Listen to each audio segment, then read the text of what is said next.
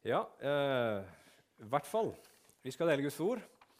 Eh, og eh, jeg har eh, eh, Vi holder på her på Betel. For dere som ikke har eh, vært her før, så holder vi på med en serie hvor vi går gjennom Det gamle testamentet, eller helt i begynnelsen av Det gamle testamentet. det som kalles for Mosebøkene. og så har vi en serie som vi kaller for Guds folk i Guds verden, hvor vi snakker om, om, om hvordan Gud han eh, har arbeida helt fra begynnelsen av han skapte jorda, og fram til i dag. Og at han gjør det på, mye på samme måten som han gjorde det da. Eh, og så, så langt vi har kommet i serien, så har vi sett at Gud har skapt verden. Eh, og alt var bra, men så ødela vi det. Vi mennesker ble ødelagt, og skapelsen ble ødelagt. Men Gud han ga seg ikke. Han begynte på en redningsplan. Han valgte seg ut et folk for at han gjennom det folket kunne velsigne alle slekter på jorda. Først valgte han seg Abraham, og så gikk han videre med sønnen Isak. Og nå har vi kommet til en som heter Jakob. Jakob han var en bedrager som lurte broren sin og fikk masse problemer for det. Han lurte fra broren sin førstefødselsretten, arveretten og velsignelsen fra sin far Isak. Og det blir så, eh, det blir så intenst i familien fordi Esau, broren til Jakob, blir illsint fordi at Jakob har stjålet og lurt og bedratt ham. Så Jakob han må flykte fra sitt hjem, fra sin familie, og så reiser han tilbake der hvor slekta hans kommer fra, en plass som heter Karan. Og På den veien der så møter Gud Jakob, og han gir ham et betingelsesløst løfte. Han sier til Jakob, 'Jeg skal velsigne deg.' 'Gjennom deg skal det bli et stort folk.' Som skal velsigne alle slektene på jorda. Så Gud han gjør Jakob til sitt folk. Hans etterslekt skal være hans folk. Og Jakob var jo han. Han er noenlunde lunken. Han sier, 'OK, Gud, hm, hvis du holder løftene dine, så skal du være min Gud.' Men først må du bevise at du duger til noe. Og Så flykter han videre, og det er her vi skal begynne nå. Så Har du med deg Bibel i dag, så kan du slå opp i Første Mosebok, kapittel 29. Og så skal vi lese enda en av disse her historiene i Bibelen som er litt sprøe. Jeg vet ikke om du eh, jeg tror ikke om vi alltid innser det, at Bibelen er en litt sprø bok noen ganger. Forteller veldig mange sprø ting som har skjedd for mange år siden. Men det skjer sprø ting i dag og gjør det ikke det? Og midt oppi den sprø verden vi lever i, så har Gud, har Gud kontroll, og så har han en plan. Og Nå skal vi høre en sånn historie. Det var Første Mosebok 29, og så skal vi lese fra vers 1 og utover. Der står det Så la Jakob på vei og nådde landet til Østens folk. Han så og se, der var det en brønn på marken, og se, ved den lå det tre saueflokker. For fra denne brønnen ga de, folk, ga de flokkene å drikke.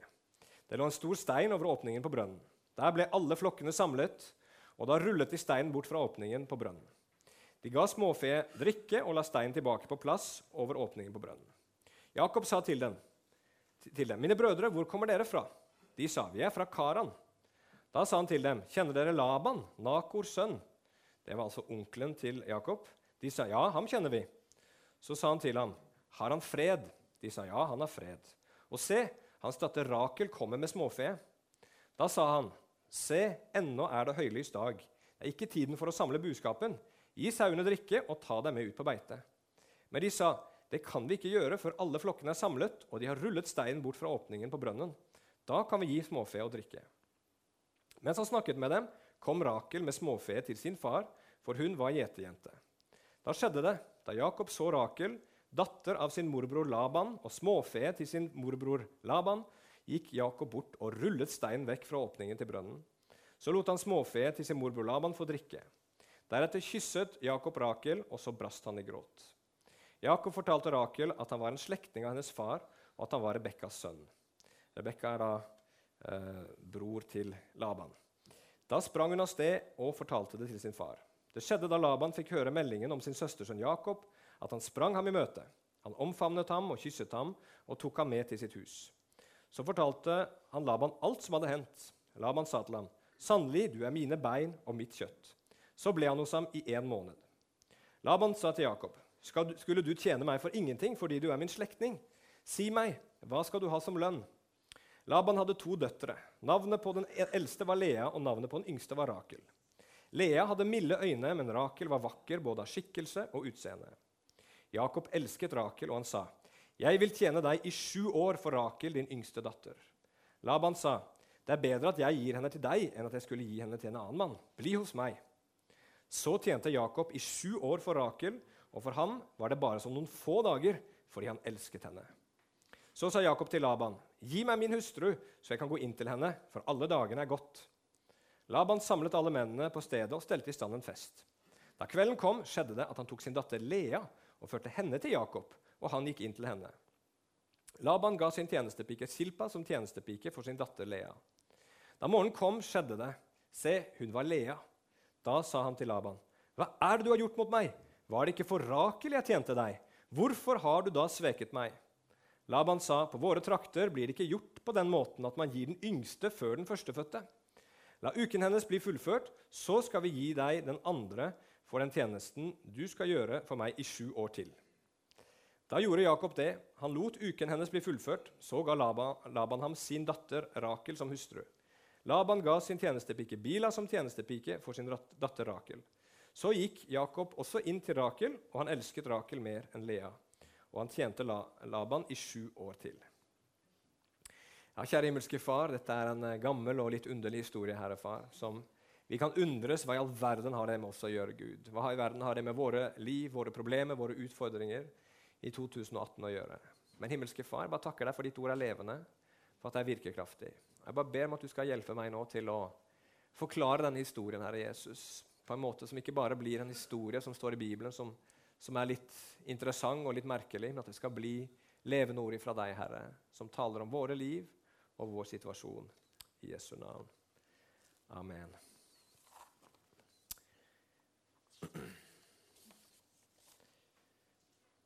Ja, Denne historien her er uh, om Jakob, Jakob som betyr bedrager. Og Jakob bedrageren han kommer da til Karan, som dere ser her. Møter slekten sin. Eh, Rakel, som eh, var da hans kusine, kommer med sauene eller geitene til onkel Laban. Og han er Supermann. Det står en stor stein over denne brønnen her, som sikkert var for å beskytte dette vannet fra tyveri og, og, og sånne type ting.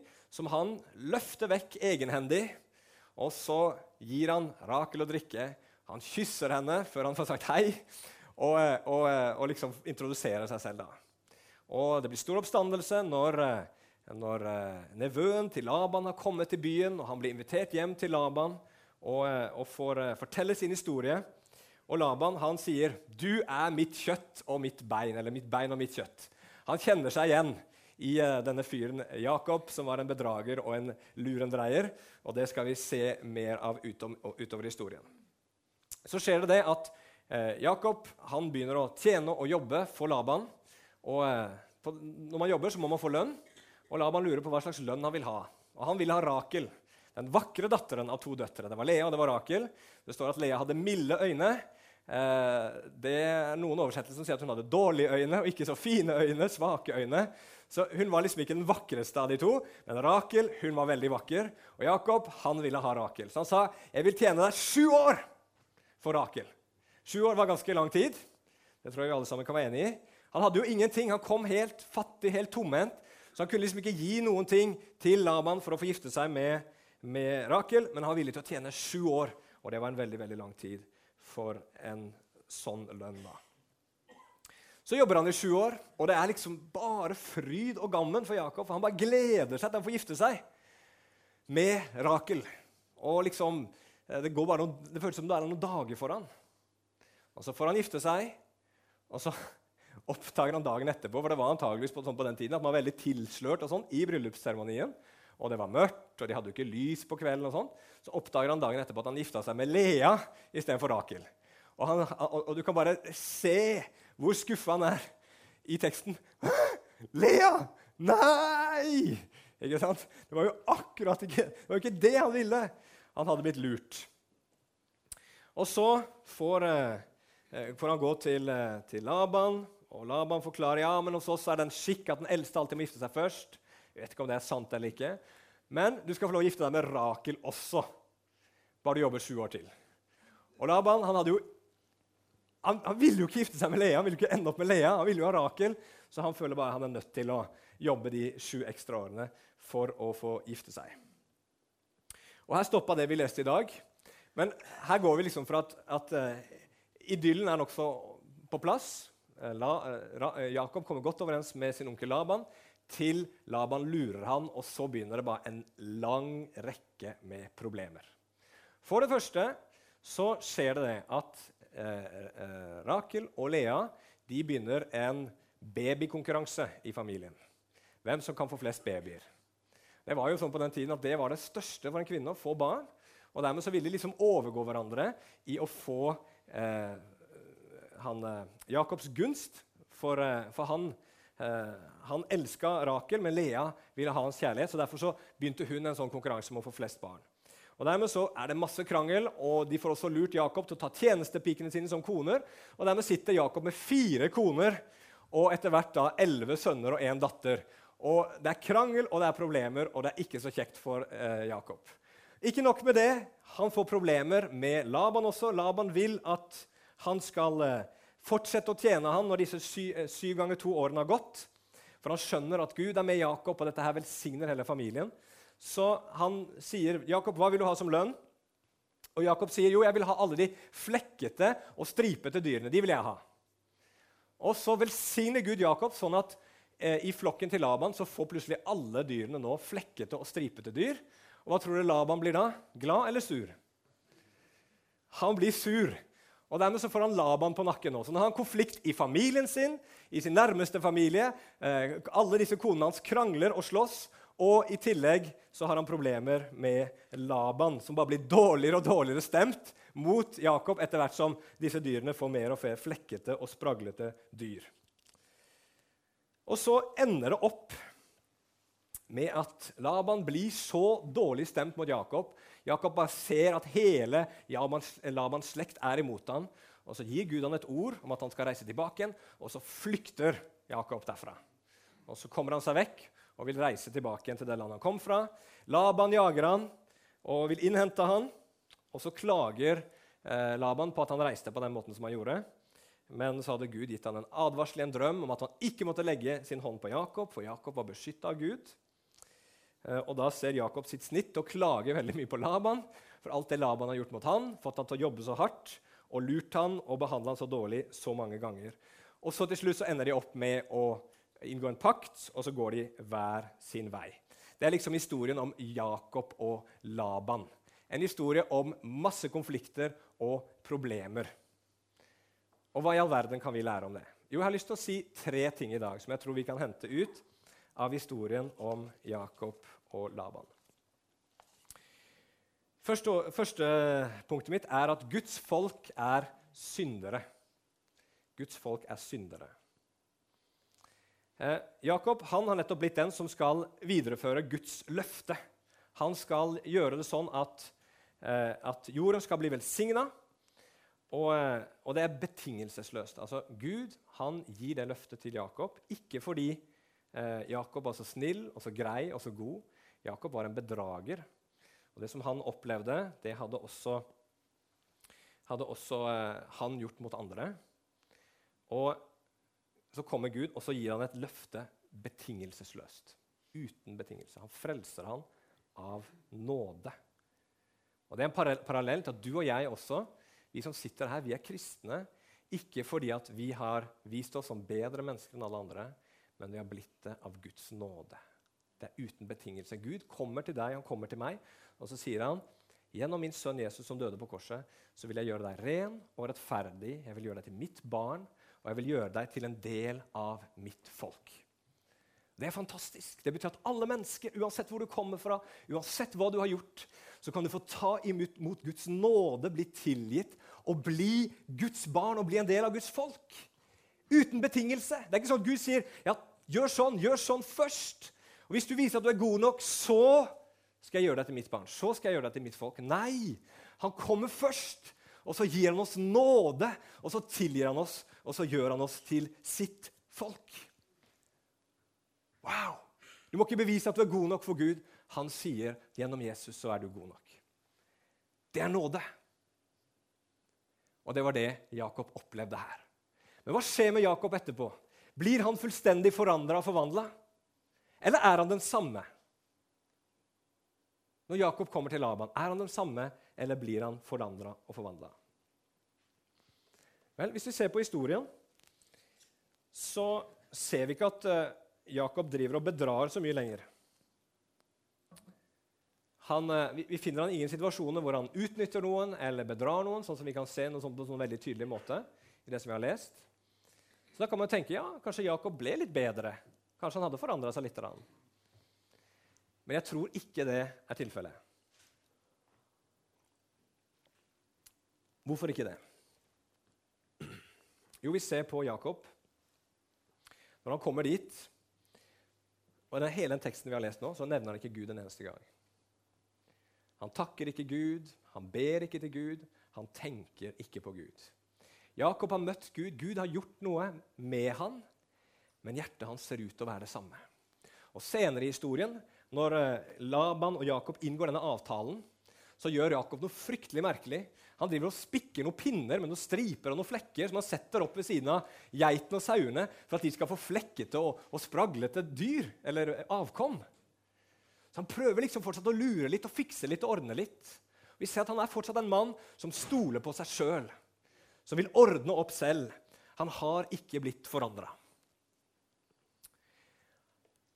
Hvorfor, hvorfor, ser vi ikke, at han fortsetter å, å, å bedra så veldig mye allikevel? Jo, jeg tror det er sånn at de aller fleste av oss tror bedre om oss, om oss selv enn det som er tilfellet, rett og slett fordi vi ikke har havna i situasjoner hvor det som er på innsiden av oss, kommer ut.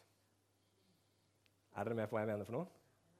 Hvis du og jeg hadde vokst opp i et land som Somalia, f.eks., tror du vi hadde vært, hatt akkurat samme verdier, oppført oss på akkurat samme måten som vi gjør nå? Hadde vi vært nordmenn i Somalia? Hva tror dere hvis du hadde vokst opp der nede? Så klart du hadde blitt prega av den kulturen som var der nede. Den nøden som er der nede, ville gjort at du hadde oppført deg på en helt annen måte enn det du gjør her oppe. Veldig ofte så får vi ikke anledning til å synde. Eller prisen for å gjøre det som er galt, er så høy at ikke, eh, at ikke vi gjør det. Jeg hadde, jeg hadde en tid i, i, mitt liv hvor jeg var misjonær. og Da levde jeg sammen med en hel gjeng med andre kristne. Det var 24-7. Okay? Så vi sto opp om morgenen halv, halv sju, og så var det bønn. Da ba vi først hver for oss, leste Bibelen, liksom søkte Gud hver for oss. Spiste frokost. Etterpå det så ba vi en time sammen. Og så I løpet av dagen så jobba vi for Gud, evangeliserte, planla ting vi skulle gjøre, og, og arbeida. Helt til kvelden, eh, da vi gikk og la oss. Og det Et par år i den atmosfæren der så, så var det jo ikke så mange anledninger for meg å synde. Det var ikke TV der, vi så ikke på noen filmer. Det var liksom ingenting dumt, det var ingenting galt jeg nesten kunne gjøre. Fordi at vi var sammen hele tiden. Alle sammen ville følge Jesus. Så jeg begynte å føle, jeg tenkte, ja, Magnus, du begynner å få litt orden på dette kristenlivet ditt nå. Nå er du blitt en god kristen. Det er veldig bra. Men så tok disse årene i Jesus Revolution, hvor jeg var med, slutt. Hva tror dere skjedde da? Da oppdaga jeg at jeg hadde ikke forandra meg så veldig mye allikevel. Det var bare at miljøet rundt meg hadde gjort at det var ikke så mange muligheter for meg å gjøre gale ting. Og på samme måte så er det sånn at når mulighetene er der, det er da vi ser hva som bor i våre hjerter. Så Jakob han, han, fikk ikke så mange muligheter. Han var den svake parten nå. Han hadde ikke noe kontroll over situasjonen. og Derfor så virker han ydmyk, men hjertet hans er ikke forandra. Så hvis det er noe vi kan lære av Bibelen, så er det det at alle mennesker i Guds folk er syndere. Hvis vi ser på David Han levde et liv hvor han gjorde en del dumme ting. Se på Elia, du kan se på Peter, og du kan til og med se på Paulus. Alle sammen var i stand til å gjøre dumme og gale ting. Når du blir en kristen, så skjer det noe helt nytt i livet ditt. Du blir en en ny, person. Du får en ny identitet. Nå får vi det illustrert i dåpen her. Det gamle er borte, sier vi, og alt er blitt nytt. På innsiden og på dypet av hjertet. Men din og min personlighet, din og min karakter, de forandrer seg ikke nødvendigvis så veldig mye. Noe kan skje. Du kan merke at OK, Wow, jeg har fått noe annet å leve for. Begynner, du begynner å elske Gud. Det er noe som våkner opp i hjertet ditt. Men samtidig så er det noe som fortsatt er det samme. Og det gjør at kristne er i stand til å gjøre ganske dumme ting, selv om de virkelig er kristne. Det er sikkert ingen av dere her som har gjort så veldig mange dumme ting, selv om dere er kristne. Men det hender at noen gjør det. Det har jeg hørt om. Men vet du hva? vi trenger å være klar over det. For det første for at vi ikke skal bli for skuffa over hverandre. For her er vi brødre og søstre. Men jeg kan love deg det. at Hvis du går inn i den menigheten her, og det er noe som nettopp har gjort i dag, så kommer du til å bli skuffa over noen av oss. Over meg kommer du helt sikkert til å bli skuffa òg. Ikke sant? Hvorfor det? Jo, for det er et eller annet i meg som fortsatt hører med til det gamle. Jeg er fortsatt en synder, ikke i den forstand at jeg ikke er rettferdig framfor Gud, eller at jeg, fått, at jeg er Guds barn, men det er noe i meg som fortsatt kan gjøre veldig dumme og gale ting. Det må vi være klar over, så vi ikke blir skuffa over hverandre. Hvis du vil leite etter en menighet hvor du håper at ikke du skal bli skuffa over de som er der, så kan du, kan du leite veldig, veldig lenge. Og for det andre så må du også være klar over det når det gjelder deg selv, så du ikke stoler for mye på deg sjøl. Det er noe helt sprøtt med det her. Når Gud han kommer inn i ditt liv og så sier han, jeg skal tilgi deg alt sammen. Og jeg skal gjøre deg til mitt barn. Jeg skal gi deg evig liv. Og jeg skal gi deg himmelen, evigheten, sammen med meg. Og så er vi sånn som vi er. Hvordan kan Gud ta en sånn risiko? Hvordan kan vi mennesker sånne som oss få lov til å være i himmelen? Hvordan kan han slippe meg inn i himmelen? Det er et veldig godt spørsmål. Jesus tok min straff. Han har gjort meg rettferdig, men hvordan kan han slippe meg inn i himmelen? Det står i Bibelen at uten hellighet skal ingen se Gud. Hva betyr det? Jeg har gode nyheter for dere, kjære tilhørere, brødre og søstre. Gud, når han frelser deg, så gjør han deg ny, og så begynner han noe nytt i livet ditt som kalles for helliggjørelse. Det vil si at Gud, han han gjør deg rettferdig, han gjør deg ren, fordi han vet nå har jeg dette livet her i mine hender, og nå skal jeg begynne å jobbe med den personen. Så den personen blir forandra og forvandla og blir hellig i sine tanker, sine gjerninger, sine lengsler. Blir mer og mer lik Jesus. Og vet dere hva som er toppen av den gode nyheten? Eller kanskje ikke? Det er at et av Guds favorittverktøy for å gjøre den jobben, det er lidelse. Amen? Nei vel. Min overskrift nummer to er det at Guds folk lider. Guds folk lider, og Jakob var heller ikke noe unntak. Da Jakob ble møtt av Gud, så begynte det kjempebra. De sju årene han jobba for Rakel, var som noen dager for ham. Det var liksom bare sus og dus. Og så plutselig så bom, satte virkeligheten inn. Og så lever han de neste årene sine i ganske mye lidelse. Og Det er såpass ille at han sier i, i første Mosebok kapittel 31 og vers 40 Slik hadde jeg det. Om dagen ble jeg fortært av tørke, og om natten av kulde, og søvnen forlot meg. Slik har jeg vært i ditt hus i 20 år. Jeg tjente deg i 14 for dine to døtre og i seks år for småfeet ditt, og du har forandret lønnen min ti ganger. Dette sier han til Laban og Laban hadde forfulgt han og møtt han. Gud hadde en fantastisk bra plan for Jakob. For Jakob han ble, han ble kalt til å være Guds folk, og så hadde Gud en plan om å forandre Jakob. Og hovedpersonen i den planen, det var Laban. Laban, som var en som var, som, som, som uh, Laban selv sa, en, en, av mitt kjøtt og mitt bein. Han var akkurat som Jakob. Han var en bedrager. Han var en som utnytta mennesker. Akkurat slik som Jakob var. Og så fikk Jakob nåde fra Gud til å møte seg sjøl i døra. Har du møtt deg sjøl i døra noen gang? Å, er ikke det gøy? Og vet du hvor du møter deg, selv, eh, hvor du møter deg sjøl i døra mest? Det er når du får barn for de er små kopier av deg. Og Hvis det er ett barn du har problemer med, så kan du være garantert, være helt sikker på at det barnet ligner mest på deg.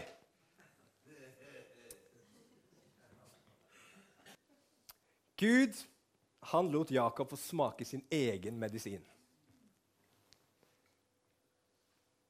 Hvorfor gjorde Gud det? Vil han straffe Jakob? Vil han at Jakob skal bare kjenne å, Jakob, du har bedratt og plaga han broren din. Nå skal du sjøl få kjenne hvordan det er. er det sånn Gud holder på med oss? Nei, Gud er full av kjærlighet. Han lar oss få møte oss selv i døra fordi han vil forvandle oss. Og Derfor er det du også og jeg møter lidelse fordi Gud vil forandre og forvandle oss. Og det skjer fra dine venner hvis du og jeg, Det er sikkert ingen som har tenkt det heller, men hvis du er gift, og du et svakt øyeblikk i ditt liv har tenkt, i all svakhet Jeg sier at det er sikkert ingen som har gjort det, men det kan hende noen har gjort det. Du tenkte 'Hvorfor all verden fikk jeg den ektefellen?' Hvorfor fikk jeg ikke heller den? Eller den? De ser jo så mye snillere eller greiere ut eller enklere ut å ha med å gjøre. Jeg vet ikke om det er noen som har tenkt sånn.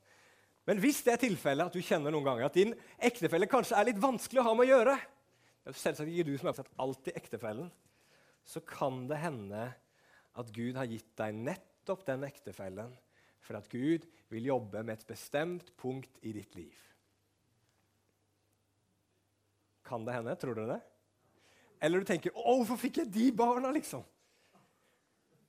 Vi er jo glad i barna våre, sant? men det er sikkert ingen foreldre som har sagt det heller. 'Hvorfor kan ikke du være litt mer sånn som?' sier man til barna noen ganger, kanskje.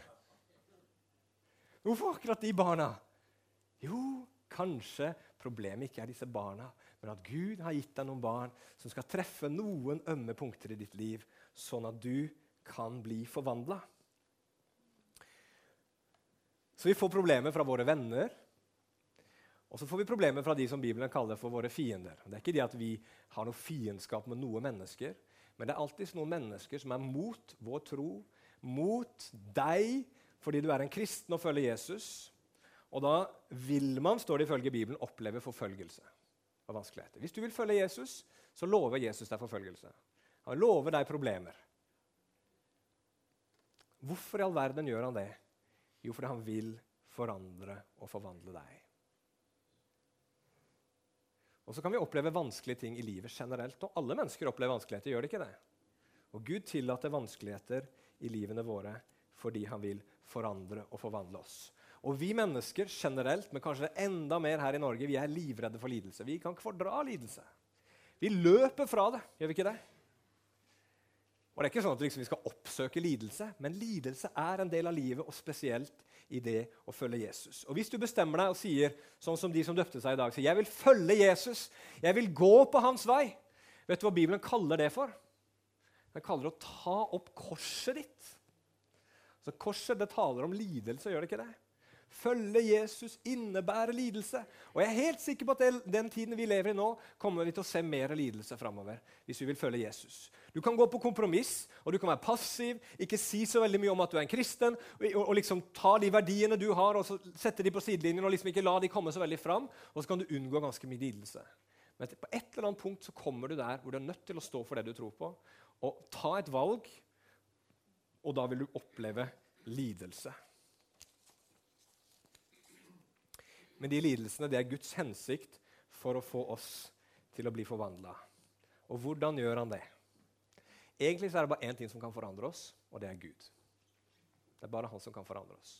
Så hva har lidelsen med det her å gjøre? Det er mange mennesker som har lidd, opplevd vanskelige ting. Det er ikke nødvendigvis gode resultater av det.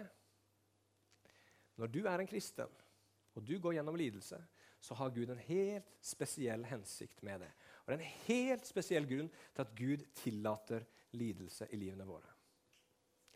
Nå sa vi nettopp at det er Gud som forvandler oss. ikke sant? Når vi er nær Gud, når vi er sammen med Han, da blir vi forvandla. Er vi enige om det? Det er når vi ser Han og får møte Han gjennom bønn og gjennom Guds ord, at våre liv blir forandra. Og så et spørsmål. Et spørsmål. Når ber du mest? På de behagelige, deilige dagene eller når livet er vanskelig og tungt? Hvem ber mest på ferie? Nei, ferie er det verste. Da ber jeg minst. altså. Det er uff. I dagliglivet så ber jeg mer, men når livet mitt blir vanskelig, når krevende ting skjer, om det er på hjemmebane, eller om det er i tjenesten, eller om det er i, i, i andre mellommenneskelige ting, eller om det er vanskeligheter og sykdom som kommer, da ber jeg mer. Og Sånn er vi mennesker. Vi ber mest når vi får problemer. Vi søker Gud med mest størst iver når livet er vanskelig. Og Hvis Gud vil at vi skal søke Han, og hvis Gud vil at vi skal møte Han, hvis Gud vil forandre livene våre, hva vil en god Gud gjøre da? Jo, han vil gi oss lidelse. Ikke for mye, ikke sånn at vi går under, ikke sånn at livene våre blir helt uutholdelige, men sånn at vi skal søke Han, så at vi skal skjønne at vi trenger Han, for det gjør vi. Så at vi skal forstå at vårt eneste håp, vår eneste frelser, vår eneste framtid fins i Han og i Han alene. Og det er veldig vanskelig egentlig å, fei, å fake avhengighet av Gud. Du kan liksom gå rundt og si 'jeg er veldig avhengig av Gud'. Og jeg, jeg, jeg, jeg, prøver å være avhengig av Gud. Men det er først når du kjenner at du er avhengig av Gud, at du skjønner at du er det. Og Derfor så er Gud god og fører deg og meg inn i sånne vanskelige situasjoner. For at du og jeg skal forstå jeg trenger Gud, jeg må søke Han. Gud, inn i ordet. Gud, hvor er du? Gud, hjelp meg, gjør noe! I, ikke sant? Hjelp meg i denne situasjonen. Og da får Gud forandra og forvandla oss. Og Det er det Gud holder på med i Jakob sitt liv. Han gir han lidelser fordi Gud har en plan om å helliggjøre og forandre og forvandle Jakob. Men så kommer jeg til det siste punktet mitt vi har sagt at Guds folk er syndere. Vi har sett at Guds folk lider. Og så har jeg lyst til å si noe til slutt. Guds folk er velsigna. Midt oppi denne krisen, denne vanskelige tiden i Jakobs liv, så skjer det parallelt at Gud velsigner han. Gjennom det kaoset som han kaller familien sin, så får han elleve sønner, og en siste sønn blir født seinere, som skal bli de tolv stammene i Israel. Og blir, Han blir en stor og en mektig familie og slekt. Midt oppi disse vanskelighetene han møter, så beskytter Gud han fra Laban, som er ute etter å ta han. Midt oppi disse vanskelighetene som Jakob møter, så vokser formuen hans. Og han blir rikere og rikere, og det står at han blir til slutt overmåte rik. Så midt oppi alle disse vanskelighetene som Jakob opplever, så velsigner Gud ham. Noen kristne legger vekt på at som kristne så må vi lide og vi må ofre. Andre kristne sier nei, nei, nei, nei, nei, det er ikke kristendom. Kristendom er at Gud vil velsigne deg. Han vil det gode. Han vil hjelpe deg i hverdagslivet ditt. Og så er spørsmålet hvem av de har rett? Vel, sannheten er begge to Leser du Bibelen, så ser du at disse tingene går hånd i hånd. Skal du følge Jesus, så vil du oppleve lidelse. Men samtidig så vil også Gud være med for å velsigne deg. For han er en god Gud, og hans hensikt med ditt liv det er bare én ting. Det er at han vil velsigne. Han er en god Gud som vil velsigne. Hvordan da? Jo, Det første Gud vil at du skal oppdage, det er at glede og fred det finner du ingen andre steder enn hos Gud. Og det, det, det, hvis, du, hvis, du, og jeg prøver å finne glede og fred i et eller annet her nede, om det er penger, om det er suksess, om det er en vellykka familie, om det er det ene eller det andre, så kommer du bare til å ende opp med å føle deg tom. Du kommer til å finne litt glede her og der, men så blir du tom, og du blir skuffa, og det funker ikke. Fordi sann glede og sann fred finner vi bare hos Gud. Og Gud vil at vi skal oppdage det. For det andre, hvis du går med Gud, og de som har valgt å døpe seg i dag og vil følge Jesus, så vil du oppdage at Gud har masse herlige, gode velsignelser underveis. Og Gud han velsigner ikke bare åndelig, han velsigner også fysisk. Jeg kan vitne om det i mitt eget liv. Mange her kan vitne om helbredelser, mange her kan vitne om at Gud har hjulpet dem i vanskelige økonomiske situasjoner, i, i, i vanskelige, reelle problemer. Så kommer Gud og hjelper og velsigner. La ingen si til deg at Gud ikke bryr, deg, bryr seg om små og fysiske ting. Han gjør det, og Bibelen er full av eksempler på det. Jeg leste nettopp historien om Hanna. Hanna i uh, første Samuels bok hun fikk ikke barn, og hun var veldig lei seg for det. Og Jeg satt og leste denne historien og tenkte ja, ja, det, det, det, det, er sikkert tungt, det, men tross alt, du er en del av Guds folk, og du skal til himmelen, og alt må vel være bra, liksom. Det er jo ikke så, så viktig i den store sammenhengen. Hvis du ser i evighetsperspektiv, liksom. Men så står det at Gud så til Hanna. Han så hennes hjertesorg, han så hennes lengsel. Og så ga han Hanna først én sønn, Samuel, og mange flere sønner og døtre etterpå det. Gud han bryr seg om deg. Det er noe helt forunderlig med det. Tenk på Gud, Han, han liksom passer på hele dette universet. her, Det er 90 milliarder lysår fra den ene enden til den andre. Og Han skal holde alle atomene på plass. Han skal passe på at ikke det kommer noen kometer og meteorer, meteorer og krasjer med jorda. liksom. Og han skal holde styr på sju milliarder mennesker på den planeten her, og, og, og, og, ikke minst alle dyrene som skal få mat. og Alt dette her holder Gud sin hånd over. Insekter! ikke sant? Han passer på de òg. Og så ser Gud til deg i din individuelle situasjon, i ditt bitte lille liv, som egentlig i den store sammenhengen ikke er så mye, men som Gud gir en enorm betydning ved å si 'det er viktig for meg', og så velsigner han deg. Tenk på det! Wow, for en Gud vi har! Han er ikke bare stor og mektig, men han er kjærlig og personlig. Han ser deg og han bryr seg om deg, akkurat som han gjorde med Jakob. Og så er det også sånn at Gud vil at gjennom våre liv så skal det komme kraft og frukt, som Bibelen snakker om. Du og jeg vi er ikke her nede på jorda bare for å liksom skli gjennom og så komme til himmelen enkelt så enkelt som mulig. Vi er her nede på jorda, for Gud vil at hans kraft skal virke gjennom oss, og at vi skal få bære frukt, sånn som Bibelen sier. Og, og, og Jeg hørte en tale her som jeg, jeg synes var veldig veldig bra, hvor den som forkynte, han sa det. At det fins noen mennesker på denne jorda her som bare du kan nå. Hver og en har vi et kall fra Gud til å nå mennesker med evangeliet om Jesus. Og det fins noen som kanskje bare du kan nå. Når de hører, han, hører meg, så sier de ja, for en oppblåst predikant, jeg gidder ikke å høre på han.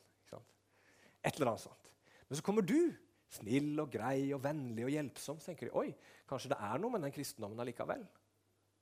Vi må ikke tro det, at det liksom bare er de som er pastorer og evangelister og forkynnere, som, har, liksom, som Gud bruker til å vinne mennesker. Nei, det finnes noen mennesker som bare du kan nå. Og det er gjennom lidelsen, gjennom vanskelighetene, gjennom prøvelsene hvor vi søker nær Gud, blir kjent med Han, at Hans kraft begynner å fylle våre liv. Paulus sa det, jeg vil ikke rose meg noe annet enn mine svakheter, for at Guds kraft kan få rom hos meg. Og så snakka han om alle de lidelsene han gikk gjennom i sin tjeneste.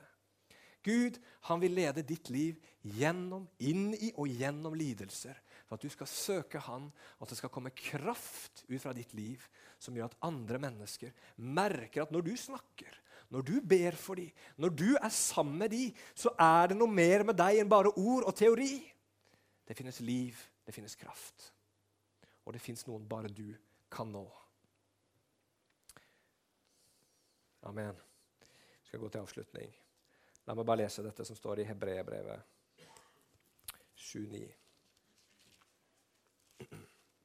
I historien om Jakob og Laban så har vi ikke kommet dit ennå at Gud er ferdig med Jakob. Du i ditt liv har heller ikke kommet dit at Gud er ferdig med deg. Det betyr mer velsignelser, og det betyr mer problemer. Amen. Men sånn må det være. Hvorfor det? Jo, for at i Hebreerbrevet 5 og vers 7-9 så står det følgende. Og Nå snakker det om Jesus. Der står det i sitt jordiske livs dager, da han med sterke rop og tårer hadde båret fram bønner og påkallelser til ham som hadde makt til å frelse ham fra døden, ble han bønnhørt pga. sin gudsfrykt. Og selv om han var sønn, lærte han lydighet ved det han led. Og etter at han var blitt fullendt, ble han opphavsmann til evig frelse for alle dem som lyder ham. Vår tro er knytta til Jesus. Han var ikke en synder, men han bar våre synder. Vår tro er knytta til Jesus, som på grunn av vår synd måtte lide. Jesu liv var et liv fullt av lidelse. Men Jesu liv, gjennom den lidelsen som endte på korset, så brakte Jesus velsignelse ut til alle mennesker. Sånn var Jesus. Han var en som tok vår synd, som led, og som gjennom hans lidelse ga oss liv. Og Når vi følger Jesus, en som gjennom et kors ga liv til verden, gjennom et død på et kors frelste verden, så skjønner vi at hvis vi skal være hans disipler, så må vi følge, så vil vårt liv også følge et lignende mønster. Nemlig at vi også må gå gjennom lidelse for at liv skal komme av den. Og Sånn har det vært med alt Guds folk opp gjennom historien. Og Sånn kommer det til å være for oss også. De som gikk foran oss for 100 år siden, 200 år siden, 500 år siden. alle sammen led for Jesus. Og de led med Jesus. Men de fikk også se Guds hånd og Guds velsignelse over sine liv. Skal vi frykte lidelsen? Nei. Stol på Gud i lidelsen, for gjennom lidelsen så får vi møte Gud. Og da får Gud gjøre det han vil i våre liv, slik som han har begynt. Begynte Jakob, slik han har begynt i ditt liv akkurat nå. Så hvor enn du er, om du opplever at livet er vanskelig og tungt akkurat nå, vil du tenke 'Hvorfor ble livet mitt sånn?' Hvorfor har jeg disse menneskene rundt meg? Hvorfor har jeg denne jobben? Hvorfor bor jeg på denne plassen? Hvorfor skjedde det med meg? Så kan du enten bare tenke at du er i en kaotisk verden hvor ingen har kontroll på noe som helst, og alt som skjer, bare er tilfeldigheter. Da er det helt håpløst. Eller du kan tro at det fins en Gud som kaller på deg. Hvis du ikke er en kristen, så må du ta imot han, slippe han inn i livet ditt. Og så vil han bruke de vanskelighetene du møter på, for å gjøre det vidunderlig flotte verket som han har tenkt å gjøre i ditt liv.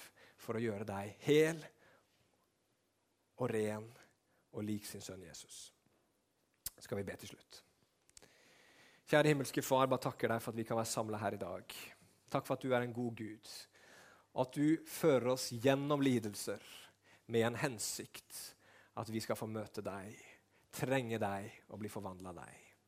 Herre, jeg ber for alle som er her i dag. Må de få oppleve det, Herre, konkret i sine liv akkurat nå. Hvis noen går gjennom en spesiell lidelse, vanskelig lidelse nå, Herre, må de bare få se deg, Herre. Se velsignelser midt i lidelsen, Herre. Og bare få oppleve tryggheten om at du er med gjennom det som skjer. At du har en vei, og du har en plan. Vi takker og priser deg for det, Gud. I Jesu Kristi navn. Amen.